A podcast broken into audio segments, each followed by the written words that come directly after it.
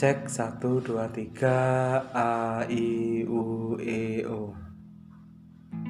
Hai Sobat Aksara Bagi yang belum pernah dengar podcast ini Saya akan menjelaskan secara singkat Isi tentang podcast ini.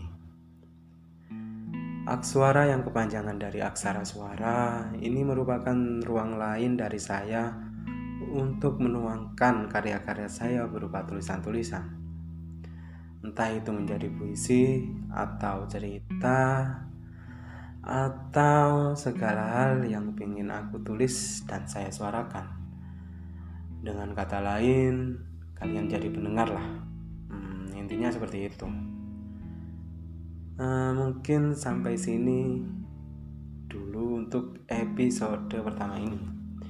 Jadi tetap semangat dan jangan lupa untuk selalu tersenyum.